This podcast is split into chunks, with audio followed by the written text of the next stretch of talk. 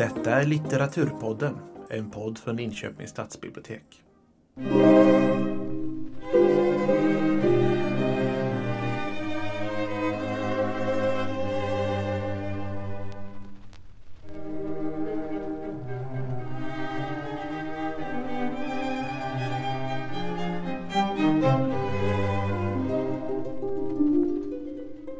Ämnet för dagen är E.T.A. Hoffman. ETA står för Ernst Theodor Amadeus. Från början hette han Ernst ETW, Ernst Theodor Wilhelm.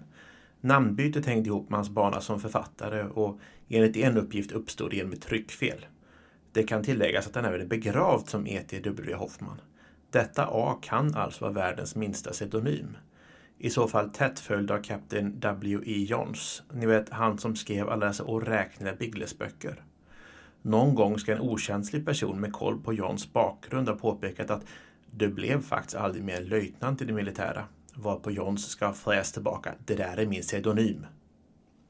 Hoffman i alla fall föddes 1976 och dog 1822. Det är alltså 200 år sedan han dog och det verkar vara så med Hoffman att man rent generellt uppmärksammar hans dödsjubileum mer än hans födelsejubileum. Vi på Linköpings stadsbibliotek uppmärksammade med den här podden om en utställning i Kuriositetskabinettet, vårt lilla museum i botten på huvudbiblioteket, i källarplanet där. Vi valde att kalla utställningen Fasa och förundran, för det har varit de dominerande känslorna som Hoffmans skrifter har spridit över världen. Vi funderade på att kalla den Fasa, förundran och fnitter. För Hoffman hade faktiskt humor, trots att hans tillvaro inte var något att skratta åt. Någon har liknat honom vid en ståuppkomiker och tänkte väl då särskilt på hur han höll hov på krogen bland sina vänner. Även hans skrämmande berättelse innehåller ofta dråpliga detaljer, men liksom i Kafkas texter är skämten väl inbäddade i handlingen. Det var också på grund av humorn som några av Hoffmans många olyckor och karriärbyten inträffade. När han varit alltför satirisk mot framförallt mäktiga personer. Med pennan, eller meritstiftet, Hoffman var en god tecknare också, men det passar nog inte så bra i en podd. Gå och se utställningen eller bildgoogla istället.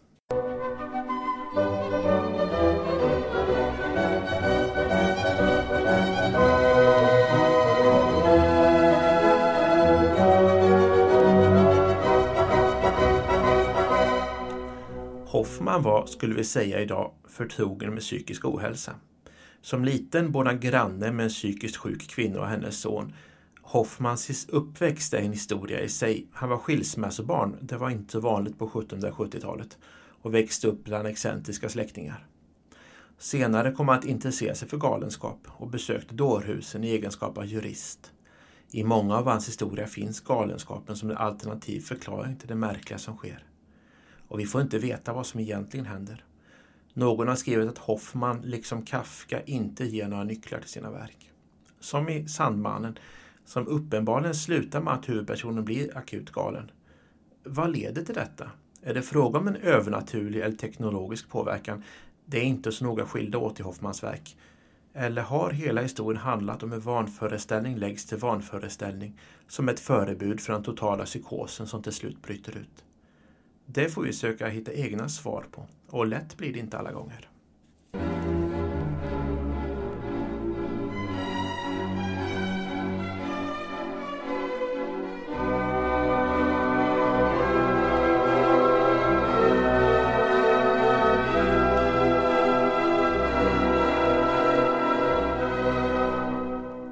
Hoffman var en romantisk pionjär och kom med sitt egendomliga utseende, sina skandaler, sitt utlevande krogliv med vännerna och med sin tidiga sjukdom och död själv bli en sorts romantisk gestalt. Även i nyligen utgivna litteraturöversikter kan man läsa om hur svårt alkoholiserad och syfilisdrabbad han var. Möjligen skulle det senare också ha något med hans märkliga litteratur att göra. Antagligen är detta starkt överdrivet den amerikanske sagoexperten professor Jack Sipes har mycket bestämt gått loss på mytbildningen. Hoffman var inget helgon, men en aktad och skötsam ämbetsman som drevs av stort civilkurage, närmast en idealist. De sista åren av hans liv försökte Preussens konung att utnyttja rättsväsendet för att kväsa upproriska stämningar. Hoffman stod emot. Han stod upp för rättsstatens principer och blev aktad av många och hatad av somliga. När han dog var det en lättnad för maktens män. Myterna om Hoffmans hiskliga nattsidor återuppstår hur som helst gång på gång. Uppgifterna är ofta motsägelsefulla. Det passar å andra sidan Hoffman rätt bra.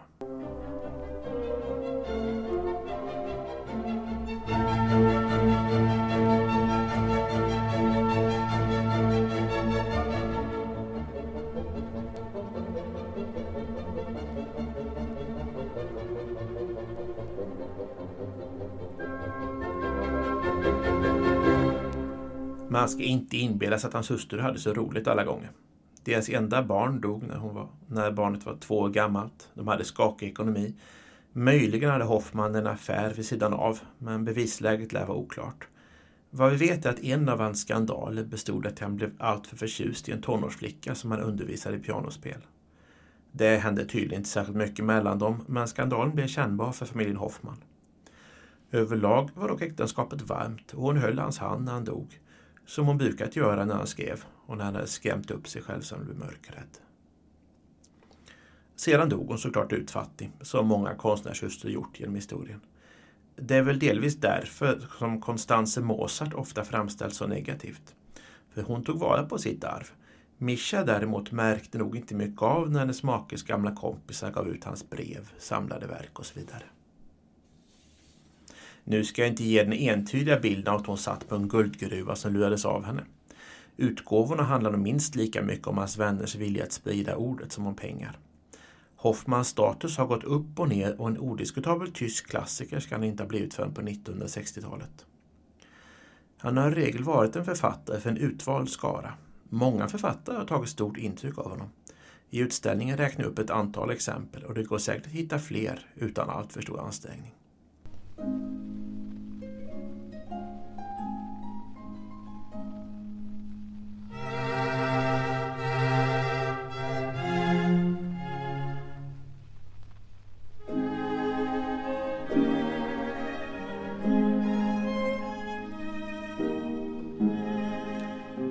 Av alla saker Hoffman kanske uppfann är deckaren. Ofta börjar detektivberättelsernas historia med Edgar Allan Poes Morden på Rue Morgue. Poe var dock en stor Hoffman-beundrare och en del har velat se dennes Fröken Skyderi som en förebild. Båda berättelserna utspelas i Paris, en stad som ingen av dem, varken Hoffman eller Poe, någonsin såg ens på avstånd ifall jag förstått saken rätt. De utspelas också båda i förfluten tid. I Poes fall bara något eller ett par decennier. Hoffmans berättelse så långt bak som på Ludvig XIVs tid. Hjältinnan fröken Skyderi är en dam i 70-årsåldern och föregriper på sitt sätt Miss Marple. Läs gärna båda berättelserna och jämför. Bestäm vilken du tycker var först. Själv tycker jag att det är en definitionsfråga. Vad som talar för Hoffman är strukturen. Det bakvända berättandet där vi först i slutet förstår vad det var vi läste i början. Och tropen om inkompetenta poliser också för den delen. Vad Poe lägger till är logik. Hoffman är inte intresserad av logik i den meningen. Snarare är poängen med hans historia ofta att bryta ner läsarens logiska förväntningar och presentera en annan drömlik logik. I Poes berättelse kretsar helt kring logik. Den inleds också med jämförelse mellan damspel och schack. Poängen kan sägas vara att hjälten med sin suveräna logik kan hitta fram till en sanning som på ett sätt är för hemsk och bisarr för att tänka sig. Fröken Skyderi bedriver inte egentligt detektivarbete. Hennes stora insatser inträffar före berättelsens början och under dess avslutning. Å andra sidan är Rymag idag en otillfredsställande deckargåta, om än mycket stämningsfull. För den handlar i grunden om en förfärlig olycka som hade kunnat drabba vem som helst. Det är Hoffmans galna seriemördare som mest liknar det vi hittar i dagens deckarflod.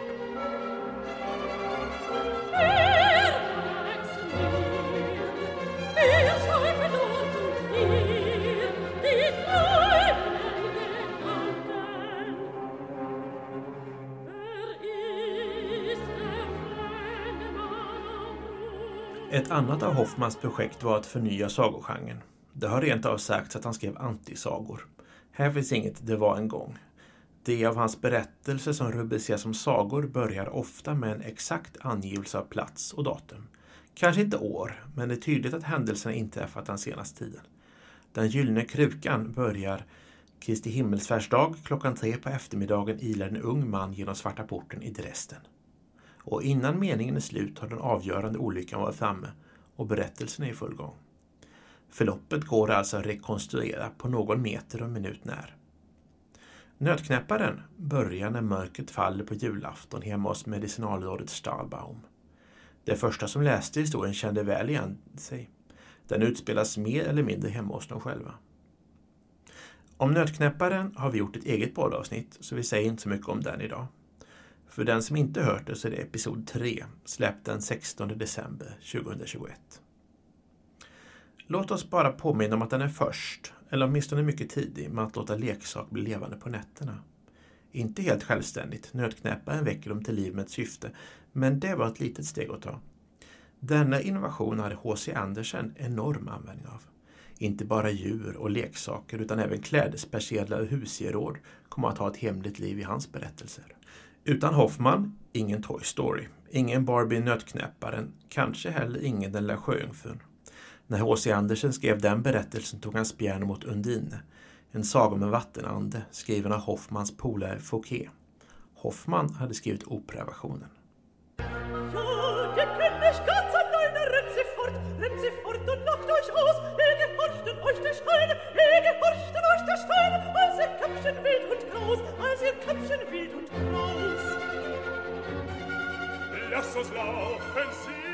Hoffmans skrivande var i hög utsträckning brödjobb, något som nödtorftigt gav honom mat på bordet när hans ämbetskarriär satts på paus på grund av Napoleonkrigen eller hans egen brist på försiktighet. Musiken däremot var hans stora passion, även om man ibland kunde använda den till sin försörjning med skiftande resultat. Ett ganska stort antal musikstycken av honom finns bevarade och inspelade. Han spelas inte så ofta idag. Sin långvariga inverkan hade han som musikkritiker. Han har kallat musik, musikkritikens fader. Utan Hoffman, ingen Anders Locko, kanske. Hoffman formar romantikernas genikanon med Mozart och Beethoven som viktiga centralpunkter. Instrumentalmusiken får starkare ställning. Hans påverkan blir än mer imponerande om man tänker på att han i regel inte hade hört musiken han skrev om. Det fanns inga skivor att beställa recensionsexemplar av och den nyaste och fräckaste musiken spelades kanske inte alltid i Bamberg, eller var nu Hoffman bodde för ögonblicket. Hoffman blev kännare av Europas musikliv genom att läsa noter. Möjligen kunna få hjälp av någon vän att spela den aktuella symfonin fyrhändigt på pianot. Detta kan låta märkligt idag, men Hoffman anses fortfarande vara mycket omsorgsfull i sitt arbete och tagit det på största allvar. Noterna var också ett av de viktigaste sätten att sprida musik till den välbärgade delen av allmänheten. Jag antar att det förblev så till skivorna tog över den rollen. Det var åtminstone fortfarande så för hundra år sedan. 1922 blev sångboken Fridas bok en stormsuccé och det var innan Birger Sjöberg reste runt och spelade visorna på olika konserthus. De bemedlade klasserna hade piano och kunde spela på det. Och de hade tid att lära in en melodi för att roa familjekretsen eftersom de inte behövde uppdatera Instagram. Och det kan ha bidragit att de hade tjänstefolk också.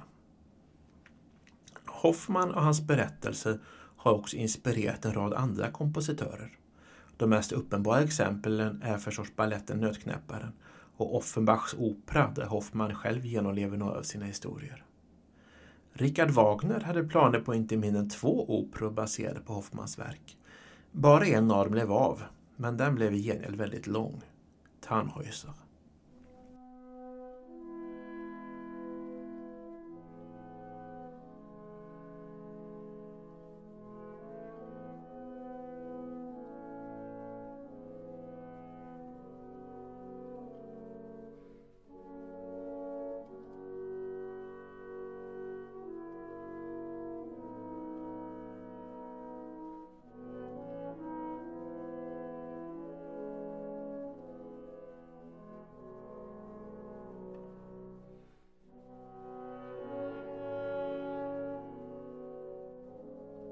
Det där var alltså ouvertyren till Wagners opera Tannhäuser.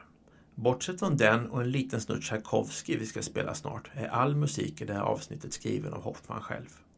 Ge er gärna ut på Youtube och lyssna på mer. Vid sidan av musiken är konst ett vanligt tema i Hoffmans berättelse. Två kvinnor som liknar varandra kan beskrivas som att det är som att de är målade efter samma modell, men den ena av Rembrandt och den andra av Tizian. Det måste vara en ganska svår referens med tanke på att det knappast var så gott om kolorerade reproduktioner i början av 1800-talet. Den som tycker att beskrivningen tyder på ytliga kvinnoskildringar har nog en poäng. Kvinnor i hans berättelser är ofta förbifladdrande, drömlika gestalter. Det gäller för den delen många andra figurer också. Hoffman är inte intresserad av psykologi i den meningen att han försöker skapa minnesvärda karaktärer, som vi skulle säga nu. Hans intresse för psykologi inriktar sig på läsaren och i någon mening på huvudpersonen. Men dennes personlighet skildras inte på eller knappt ens mellan raderna, utan i berättelsen själv. Människor är gåtfulla hos Hoffman, liksom världen är gåtfull.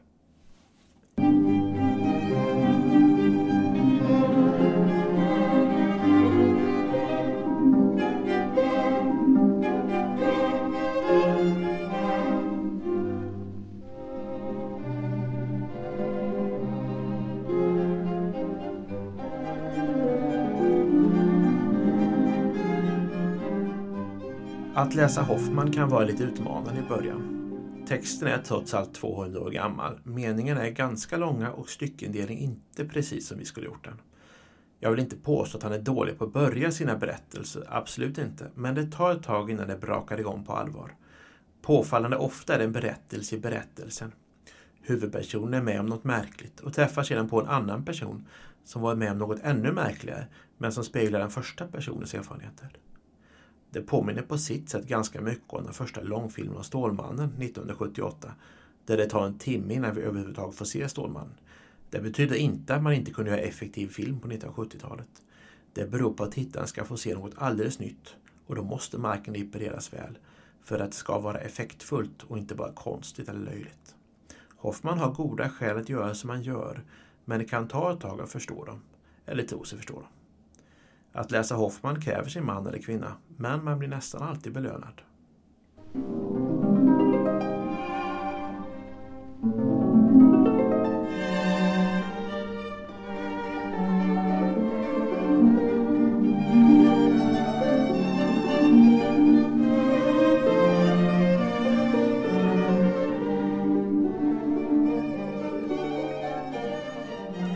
Var ska man då börja med att läsa Hoffman?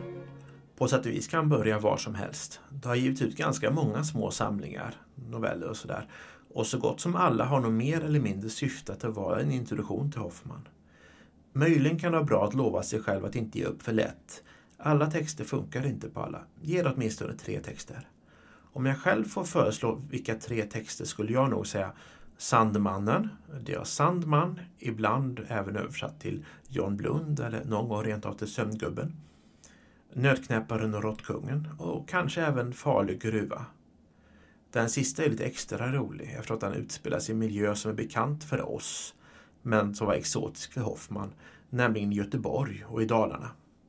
Det är också på gott och ont en rätt enkel och tydlig berättelse. Mer eller mindre alla inblandade är ganska överens om vad som egentligen händer. Det gör det egentligen till en mindre typisk Hoffman-historia.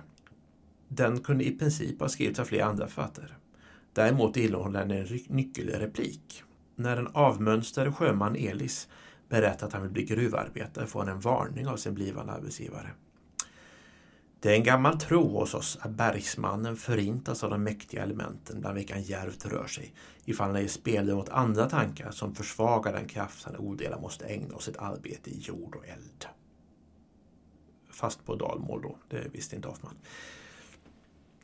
Nu ska inte heller denna replik tolkas alltför bokstavligt. De flesta gruvarbetarna verkar hitta en balans mellan sitt jordiska och sitt underjordiska liv. Men för den som inte gör detta går det illa. Detta är ett centralt tema i Hoffmans skrifter. Det går inte att förneka det obegripliga i sitt liv, men huvudpersonen får inte heller låta det ta över. Den som gör det krossas. Ett intressant fall är Nötknäpparen, där Marie till slut försvinner till det märkliga nötknäpparlandet efter att hennes föräldrar varit mycket oförstående för hennes berättelse. Det här slutet kan verka irriterande för dagens läsare, men kanske är det listigare än vi tror. För barnet som hör berättelsen är det ett lyckligt slut.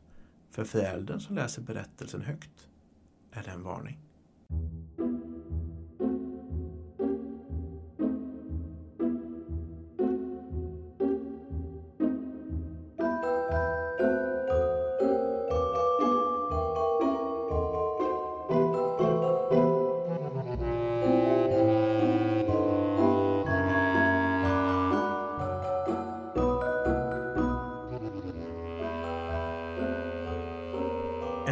Att man gärna kan börja sina Hoffman-studier med är Kjell Esmarks roman Hoffmans försvar. Där låter Hoffman profetera på dödsbädden och understryker hur han pekar framåt i litteraturhistorien. Risken är dock att man vill läsa boken två gånger. Den får nog ny innebörd när man sen är förtrogen med de Hoffman-berättelser som Esmark anspelar på. Men det kan det vara värt. Boken är rätt tunn och eh, det mesta Hoffman skrivit är förut också ganska kort. Så det är ganska hanterliga format alltihop. Är det slut nu? Nej, man blir nog aldrig färdig med Hoffman. Vi har bara skrapat på ytan och den skrapade ytan. Hoffman kan gå vid en sida hela livet, men han har inte bråttom. Se gärna utställningen. Det finns förstås vissa grundfakta som måste vara med, men jag har försökt att inte göra det här avsnittet och utställningen alltför lika. Tack för att ni har lyssnat.